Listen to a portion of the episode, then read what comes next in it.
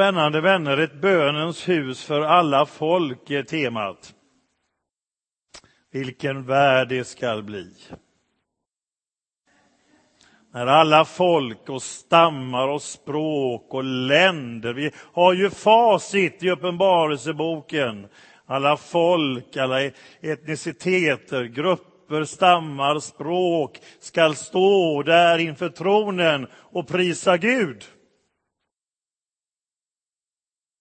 Vi vet ju hur det så att säga slutar och börjar, hur det kommer att bli. Alla folks länder, stammar och språk. Ett bönens hus för alla folk, för alla folkgrupper och alla sorts olika grupper av folk, eller man ska uttrycka det. Ja, alla folkslag och... Mm. Varför rensade Jesus templet två gånger? Han gör det direkt i Johannesevangeliet efter att han i, så att säga, i familjekretsen han och lärjungarna och hans mamma var bjudna på bröllop och eh, då tyckte mamman att eh, nu var det dags för sonen att göra något. Ibland kan mödrar känna så, eh, att nu, nu är det dags för sonen. De har inget vin, gör något Jesus. Ja.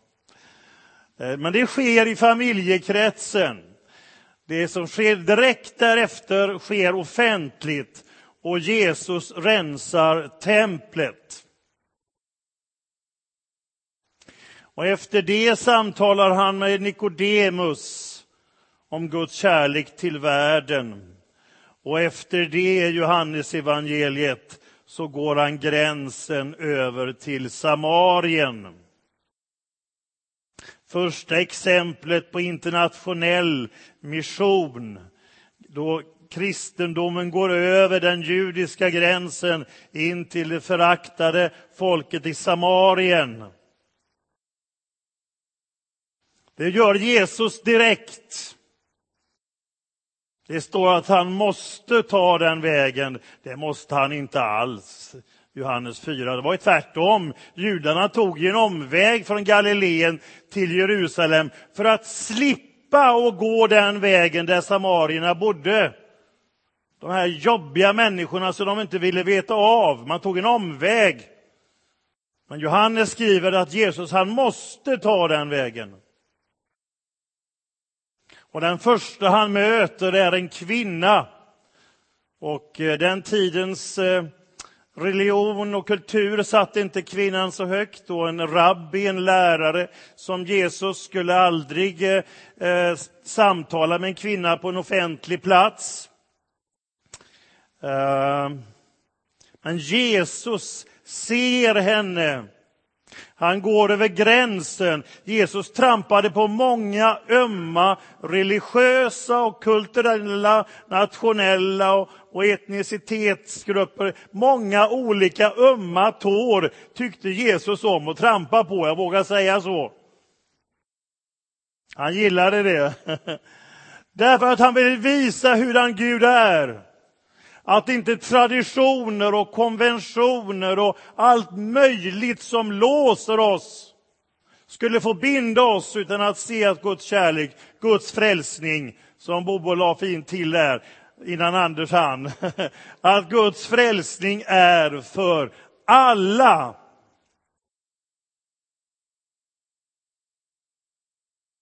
Och den här föraktade kvinnan från det föraktade folket, var sedd av Jesus. Och för henne, eh, hon är den första som Jesus så tydligt och klart talar om att han är Messias. Inte ens för lärjungarna hade han så tydligt talat om att han är Messias. Hon är den första som direkt så tydligt och klart får höra det gudomliga ordet jag är. Som det står i grekiskan. Guds namnet. Vi har hört att Messias ska komma och Jesus säger, jag är den som ni väntar på. Jag är. Och hon rusar in i stan, lärjungarna är där för att handla mat och de fick vara till väldigt stor välsignelse många andra gånger. Men den gången var det inte apostlarna som var, för de skulle handla mat och så upptagna med det. Men den här kvinnan rusar in i staden Samaria och säger kom och se den man som sagt mig allt. Kan han vara Messias? Hela stan kommer i rörelse. Och så kommer lärjungarna tillbaka med maten och de blir alldeles förvånade. Och vad händer här? Och talar du med en kvinna? Och det, de, de, ja, ja. Sen var det inte mycket annan välsignelse, men den gången var det från ett föraktat folkslag. Den första exemplet på internationell mission och den första missionären där på det viset som går över gränsen. Det är Jesus som gör det och den följande är den här kvinnan.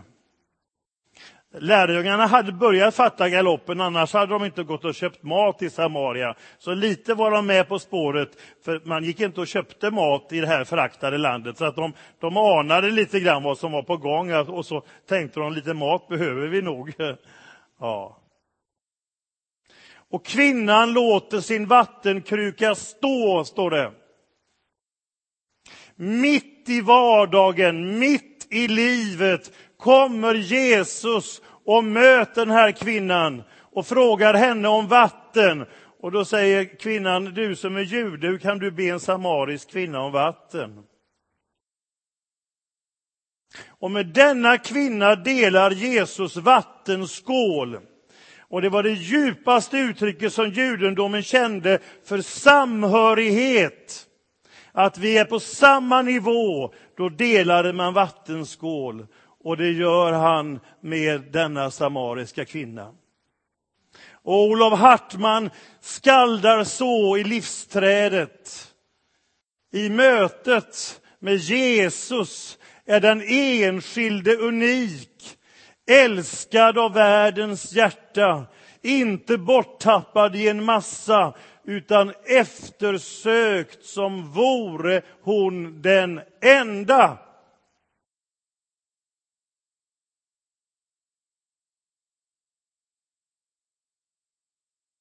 Jesus rensar templet två gånger. Och nu har jag berättat följden i Johannes evangeliet. I eh, Markus evangeliet kapitel 11 och vers 15 till 19 så står det så här när Jesus rider in i påsktiden, alltså i slutet av hans gärning. Han gör det direkt i början, men han får anledning att göra det en gång till i slutet av sin gärning. Markus 11. De kom till Jerusalem och han gick till templet där han drev ut dem som sålde och köpte. Han välte omkull borden för dem som växlade pengar och stolarna för dem som sålde duvor och han lät ingen bära något med sig över tempelplatsen. Han undervisade dem och sa, står det inte skrivet, mitt hus skall kallas ett bönens hus för alla folk, men ni har gjort det till ett rövarnäste. Mitt hus ska kallas för ett bönens hus för alla folk, men ni har gjort det till ett rövarnäste. Alla folk skulle få möta Gud. Och kan ni tänka er en ensam man från Galileen rensar templet. Alltså det var inte få människor som var där i påskhögtiden. Det var ju tusentals. Och ni kan förstå vilken utstrålning och kraft som Jesus utstrålade. Det kommer en ensam pilgrim från det föraktade Galileen. Man sa ju det liksom allmänt när, eh, när Natanael får höra att eh, kom och se, säger Andreas och hans bror där, att kom och se, och så säger Natanael, kan det komma något gott från Galileen? Det hade ju väldigt dåligt rykte. Ja, i Israel. Det var ju Galileen, det var ju ett sämre landskap. Jag vet inte vad, jag ska våga dra till mig för något? Så jag gör inte det. Nej. Ehm, Ja. ja. Nej. Jag tänker på Selma Lagerlöfs underbara bok eh, Nils Holgerssons resor, men hon, skriver om alla utom Halland. Det tyckte jag var lite jobbigt.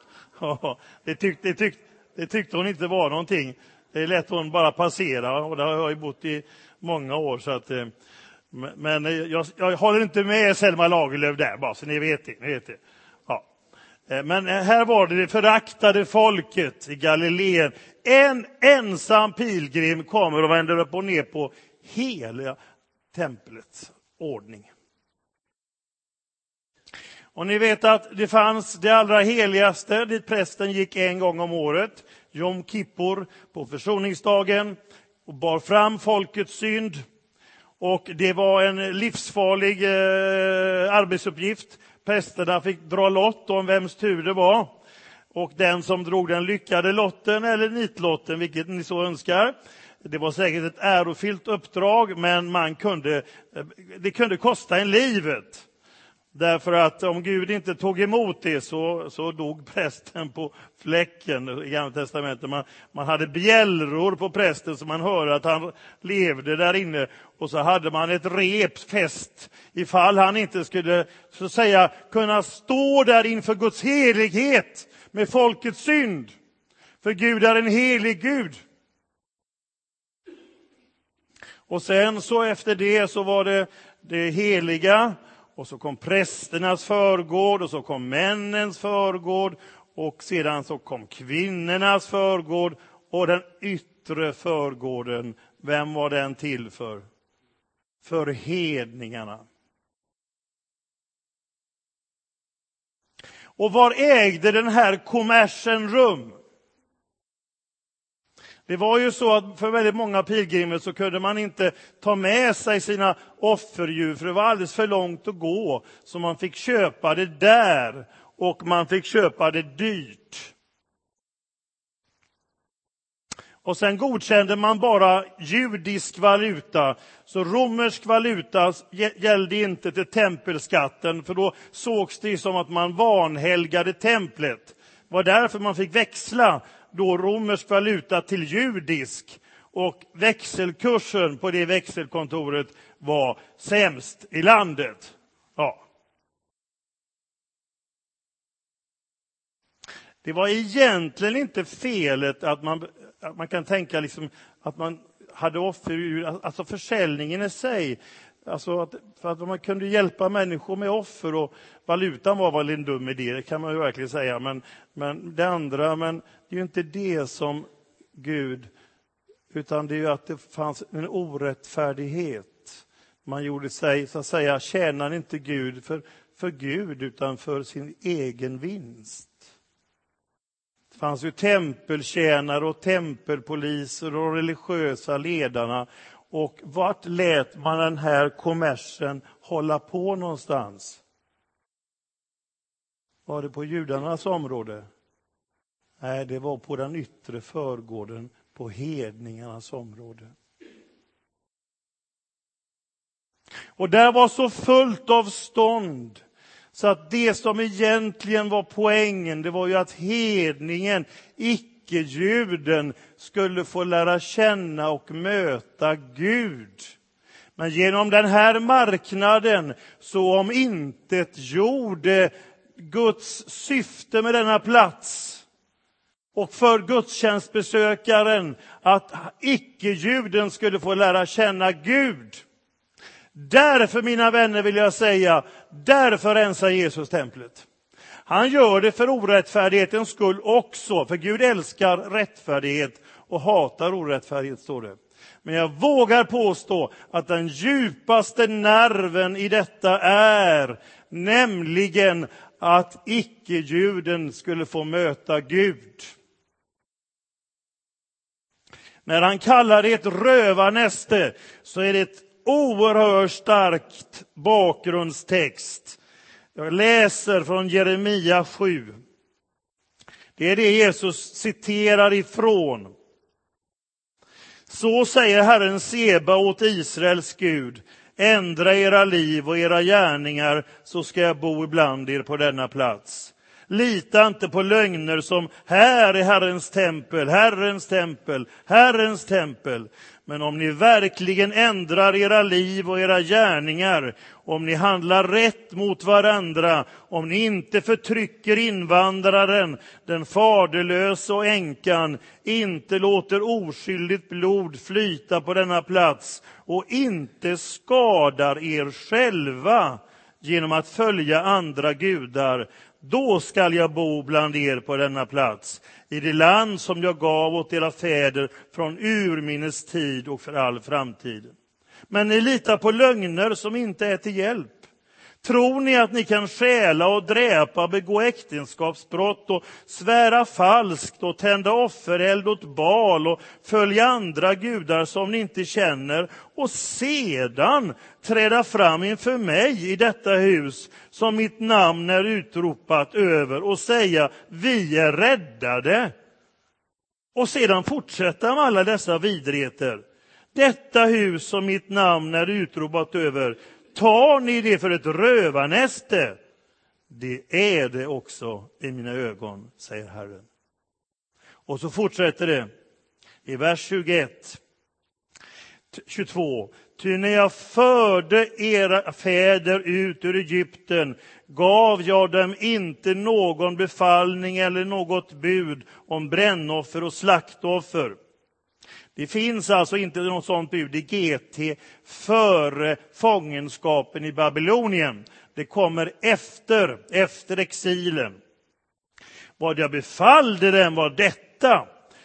Lyssna till mig så skall jag vara er Gud och ni skall vara mitt folk. Vandra alltid den väg jag befaller er att vandra så skall det gå er väl.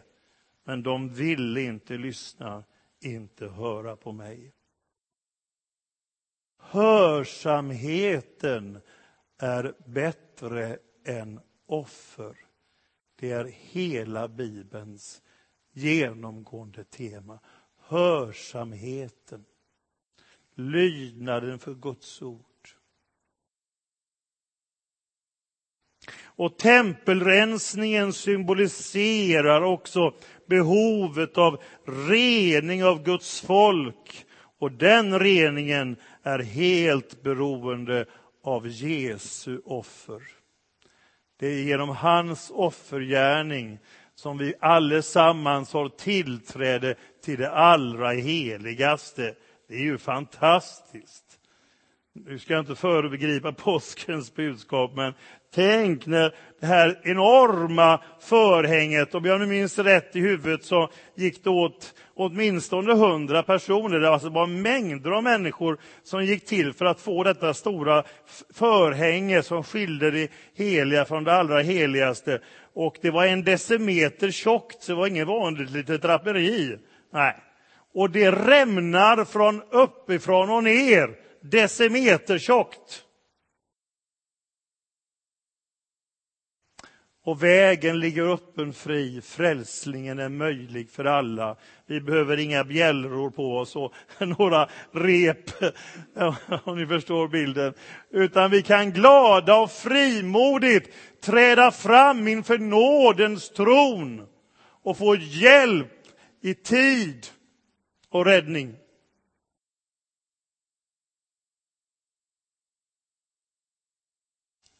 Ett bönens hus för alla folk.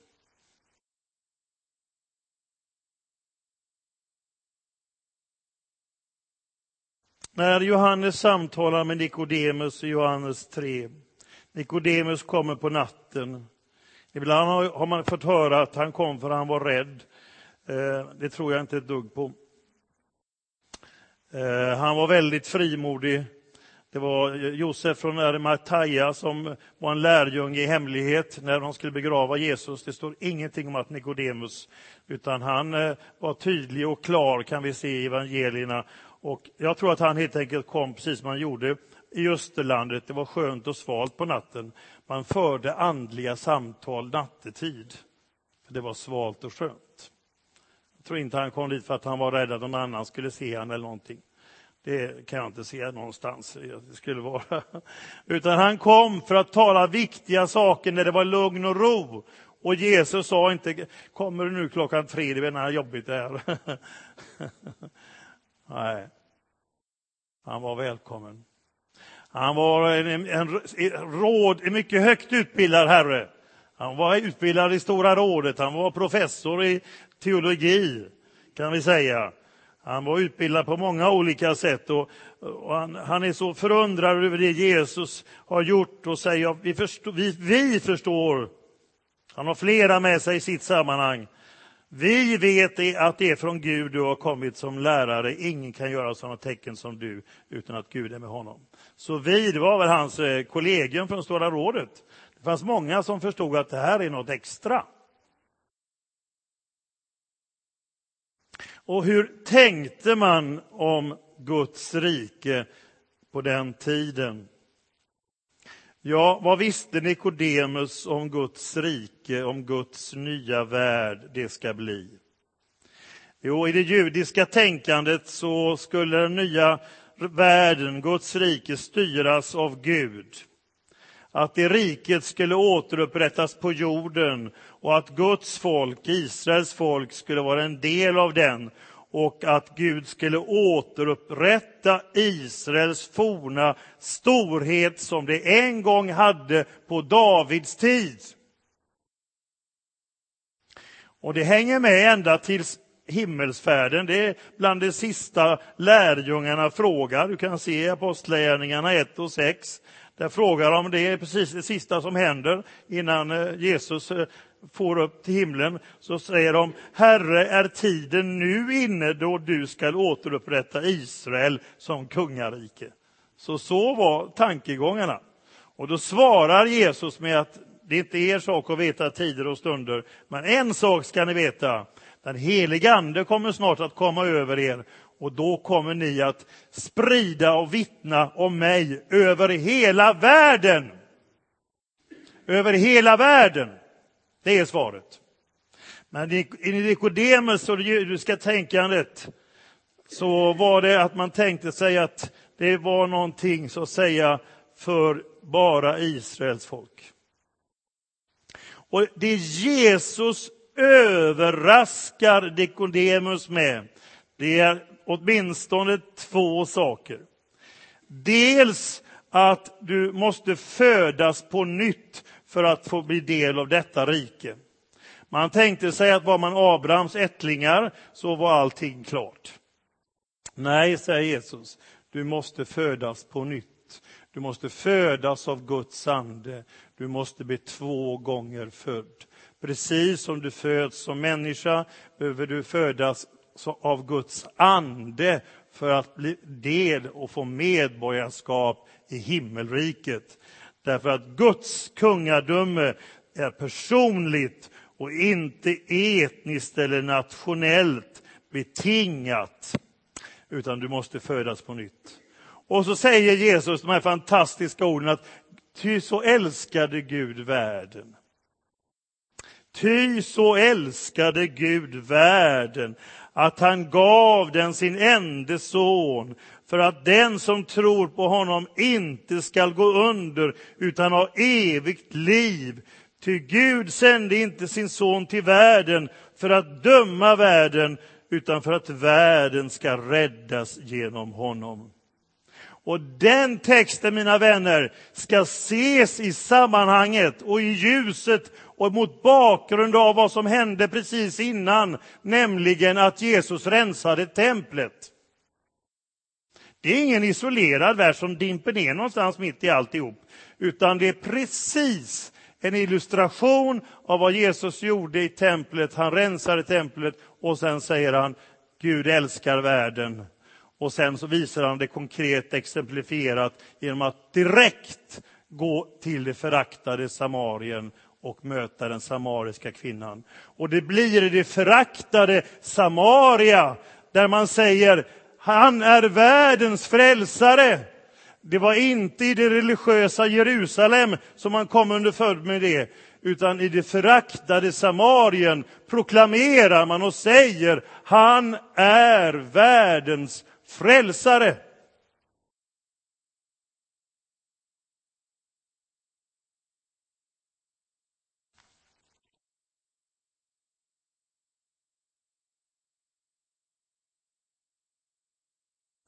Och han säger till lärjungarna i Johannes 4, lyft blicken och se hur fälten redan har vitnat till skörd. Och ni vet att vi har påmint oss om dessa ord som vi fick till oss när Anette och jag välkomnades här av tre oberoende källor, helt ovetande om varandra, läste de exakt samma vers. Det var väl märkligt? Det, var det slumpen? Nej, det, det var det inte. Tror inte på slumpen. Det finns ingen tur, som min käre släkting Gösta Tidefors alltid sa. Nej, det är Guds ledning. Tre oberoende källor läser den här texten. Lyft blicken och se.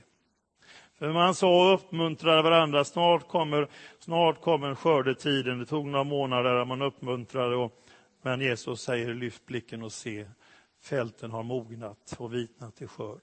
Och jag är alldeles övertygad om att det var ett profetiskt tilltag till vår församling som vi ska fortsätta att be för. Vi, vi, vi gläds över allt som sker ibland oss. Och vi får glädjas över att Carl-Gunnar har ju, Bengtsson har ju ordning på, på eh, det har eh, det har Bengt Björkenfors och jag också i matrikeln. Men KG har ett särskilt hjärta och för, för de som döps i vår församling. Och från förra sommaren till denna sommare så har 22 stycken döpts i vår församling. Och det säger Ivar att det har inte hänt sedan i början på 1980-talet. Så vi ska tacka Gud för det och vi ska be för det och vi är inte nöjda med det. Men vi måste lyfta blicken och se. Jesus var ju fantastisk med det. Det satt en liten eh, gubbe, på att säga, det satt en liten man i ett mullbärsfikonträd. Kommer ni ihåg det från söndagsskolan? Han kikade, han var ju lite kort till växten så han klättrade upp i trädet. Han satt där och tänkte att han, han kan sådär lite grann dölja sig kanske lite, men Jesus ser precis Sackeus. Denna föraktade tullindrivare. Idag vill jag gästa ditt hus. De satt i halsen allihopa. Idag har frälsningen vederfarit detta hus. Och Sackeus blev så glad att han var sedd där han satt uppe i trädet. Han klättrade ner, så han hoppade nog ner kan jag tänka mig. Sprang hem, nu ska vi ha fest, Jesus kommer. Så säger han, har jag tagit ut för mycket av någon så ska jag ge, för, först säger han, jag ska ge hälften av vad jag äger till de fattiga. Och har jag pressat ut för mycket av någon ska jag ge fyra dubbelt igen. Han såg. Han såg rövaren på korset och säger till honom, idag ska du vara med mig i paradiset. Och jag har sagt det många gånger, jag säger igen, den frälsningen är bara möjlig hos Jesus.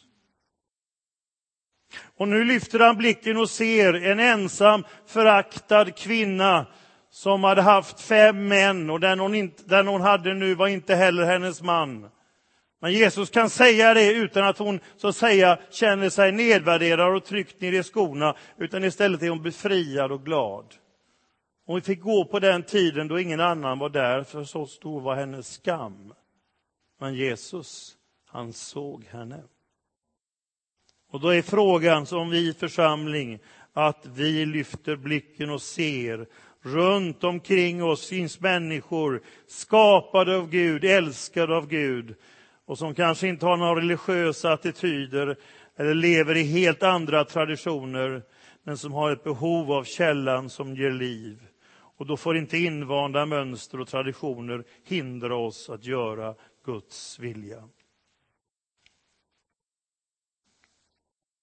Och vi ska läsa Johannes 3 och 16 på eh, vår församlingshögtid. Vi ska, eh, hittills är vi uppe, tror jag, i 16 olika språk i vår församling som kommer att läsas. Ja, vi ska tända ljus för alla kontinenterna och, och proklamera detta som jag nu delar med er om. Det händer annat också i årshögtiden, men det är en del av det. För Gud vill att hans församling ska vara ett bödens hus för alla folk. Och jag har ju legat på 20-25 minuter mina predikningar. Förra, förra söndagen, jag predikade, var jag nog uppe, jag vet inte, 40-45, jag vet inte var jag befinner mig nu heller. Men är det okej okay om jag tar några minuter till? Ja, för jag vet ju att en del har sagt det gör inget om det är lite längre, så då, då får det bli... Annars tycker jag att det är lagom så, men, men eh, jag, jag vill ha med ett perspektiv till nämligen från Matteusevangeliet 8. Eh, Jesus har hållit sin bergspredikan. Jag får mitt glas vatten, Anders, jag behöver det. Det står längst i hörnet här. Tack. Tack, Anders. Eh, Jesus har hållit sin bergspredikan.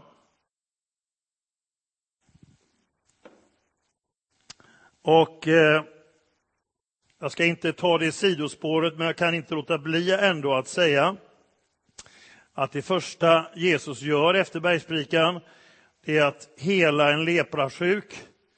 Och han rör vid den leprasjuka. Det kunde man inte göra.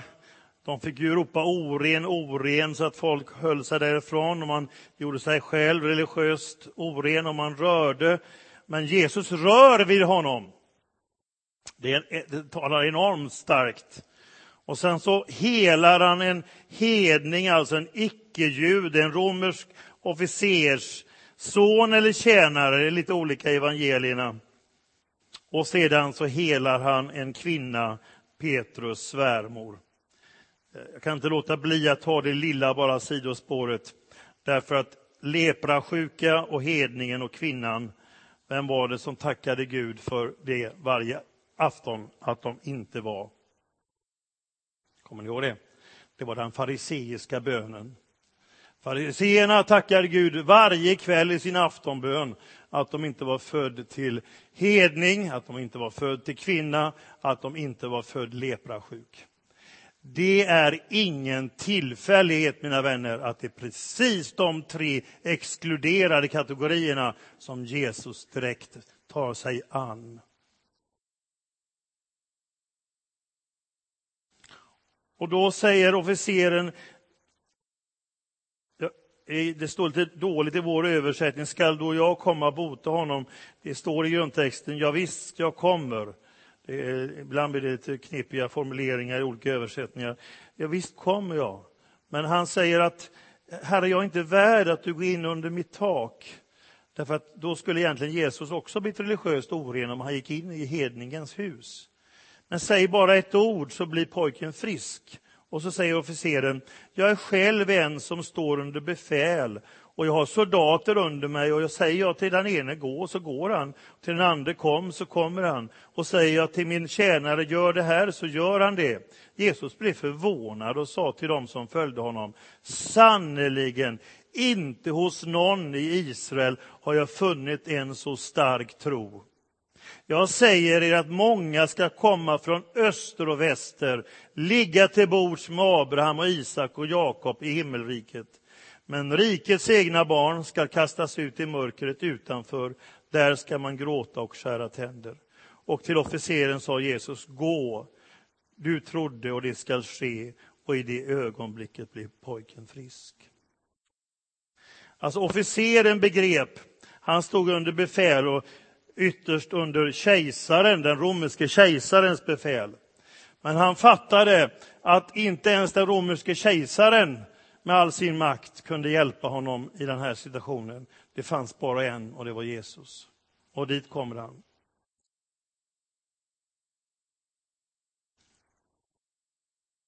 Det komma från öst och väst ska vi snart sjunga.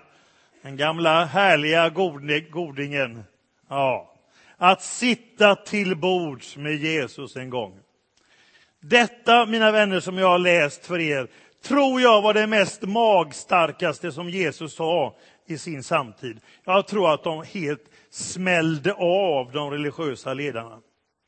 För att det här är Jesu vision och Jesu mission. Och något mer provocerande än de här verserna kan jag inte hitta i evangeliet egentligen. Det är otroligt provocerande mot de religiösa ledarna. För att de kommer från öst och väst att sitta till bords. Det var så att till det himmelska gästabudet, det står om det i Jesaja 25 och 6, att Gud inbjuder till ett gästabud för alla folk. Men det hade de religiösa rabbinerna lite fiffigt monterat om till att bara gälla judarna, Israels folk. Så när man läste den texten så ändrar man om lite grann, så gästabudet det gällde Israels folk. De som skulle få gråta och skära tänder i mörkret. Det var så judiska lärare och ledarna betraktade hedningarnas öde. Så kommer det gå för dem. Men vi ska vara med på banketten med Abraham och Isak och Jakob. Så det står härligt till. Och så säger Jesus och återger Jesaja-texten sitt ursprungliga betydelse. Att det inte är så som de tecknade i judarna, öst och väst, att bilden var ett världsvitt församlande av Israel, utan Jesus ger det en vidare innebörd. Det är både jude och hedning den här texten handlar om. Att sitta till bords med Jesus en gång. Och för en jude, mina vänner, så var det helt omöjligt att dela bordsgemenskap med en hedning. Ni vet ju, jag kommer strax, jag strax på slutet, men det, några minuter till. Ni vet ju att, eh, att de var ju så arga på Jesus för vem han åt med. Man kan ju tänka det är lite knepigt att man retar upp sig så att jag äter lunch med den personen. Men det var ju det som de var mest så irriterade på. Hur kan han äta med syndare och tullindrivare om han är Guds son? Ja, säger Jesus, det är inte de sjuka eller de friska som behöver läkare, det är de sjuka. Jag har inte kommit att kalla dem rättfärdiga, utan orättfärdiga. Till Jesus kom allt vad syndare och tullindrivare hette, står det. Därför att vid det fariseiska bordet måste du uppfylla Mose lag och, och eh, eh, renhetsföreskrifterna till punkt och pricka. Då fick du vara med i deras bordsgemenskap. Men så dukar Jesus upp ett bord och säger, hit är alla välkomna till nådens bord. Därför att hans bord skapade renhet. Och därför kunde han säga till de fariseiska och religiösa ledarna att de prostituerade och alla möjliga andra kommer att gå före er in i Guds rike. Därför att de ser sitt behov av förlåtelse och nåd och ni ser det inte.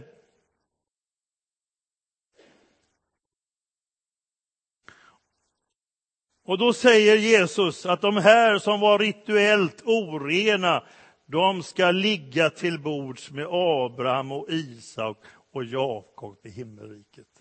Alltså, det, jag, jag, det kan inte bli, är ni med mig? Det kan inte bli mer provocerande. Men sån är Gud, säger Jesus. Mitt gästabud är för alla, det är nådens bord. Rikets egna barn, står det, ska kastas ut. Alltså, betydelsen är ju födseln ger ingen garanterad plats i Guds rike. Abrahams ättling kan också gå förlorad, men kan också bli frälst, för det gäller alla folk. Men det som de tänkte var hedningens öde kunde faktiskt drabba dem själva om de inte tog emot frälsningens gåva av nåd. Därför att tro och nåd, inte etnicitet, är grunden för medborgarskap i Guds rike. Detta är Jesu vision och mission, vänner. Och till sist, och det är också församlingens uppdrag att vi är öppen för alla oavsett etnicitet och kön, social situation, eh, you name it, och på ett särskilt sätt för de exkluderade, utstötta, marginaliserade, för främlingen, den fattige, den föräldralöse, för änkan. Det är några kategorier som Gud på ett särskilt sätt ser till. Han ser till alla, men på ett särskilt sätt. Och då ställer jag mig frågan, löper jag risken att exkludera några grupper som jag inte vill kännas vid? Det blir den allvarliga frågan. Är mitt liv öppet för alla? Är Guds kärlek så präglad i mitt liv? Och sen det märkliga till sist, där Jesus säger att han inte bland Israel, det är också otroligt provocerande, inte bland Israels folk har jag funnit en sån tro. Så den största tron hittar han inte bland trons folk, om ni förstod mig, utan hos en hedning som visste att det var inte kejsaren Augustus eller vem som var på den tiden just då. Jag kan, jag kan ta fel där, men kejsaren som var då. Han hade inte den yttersta makten, utan det var Jesus. Alltså icke-juden, hedningen, fick lära folket, Israels folk, vad tro är. Jesus lyfte fram honom som ett exempel. Oj, oj, oj. oj. Och då vill jag bara avsluta med. Kan det vara så att den texten också talar till det kristna Europa, inom citationstecken, det kristna västvärlden, inom citationstecken? Är det så att vi behöver lära oss vad verkligt kristet liv är från våra trosyskon från Latinamerika, Afrika och Asien. John Wimber som är hemma hos Herren utmanade svensk kristenhet på 80-talet och sa, jag var lyssnade på honom i Skandinavien, att västkyrkans stora problem är att vi inte tror på det vi tror på.